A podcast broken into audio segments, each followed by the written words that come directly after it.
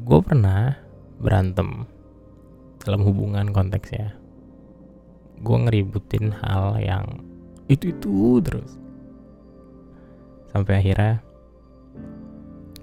dia sabar banget gitu sama gue dia dia tetap mau dengerin gue dan nggak mau ikut emosi kayak gue sampai akhirnya salah satu kata kalimat yang dia ucap yang menurut gue nyelekit itu adalah kamu kalau misalkan sayang apa yang udah ada di masa lalu ya udah. Kita berantem boleh. Tapi kalau misalkan berantem karena hal-hal itu terus berarti ada masalah di kamu. Oh gue, gue marah dong waktu dibilang kayak gitu kan. Masalah di gua orang masalahnya di lu gua ngerasa kayak gitu. Tapi waktu itu dia bilang coba rendahin ego kamu rendahin hati kamu dan coba kamu lihat sebenarnya masalah itu udah selesai atau belum.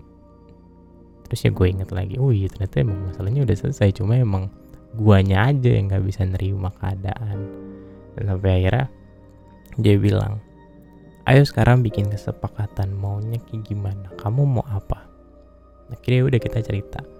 Kita deep talk gue maunya apa dia maunya apa kita buat kesepakatan biar sampai akhirnya kita nggak berantemin masalah ini ini lagi.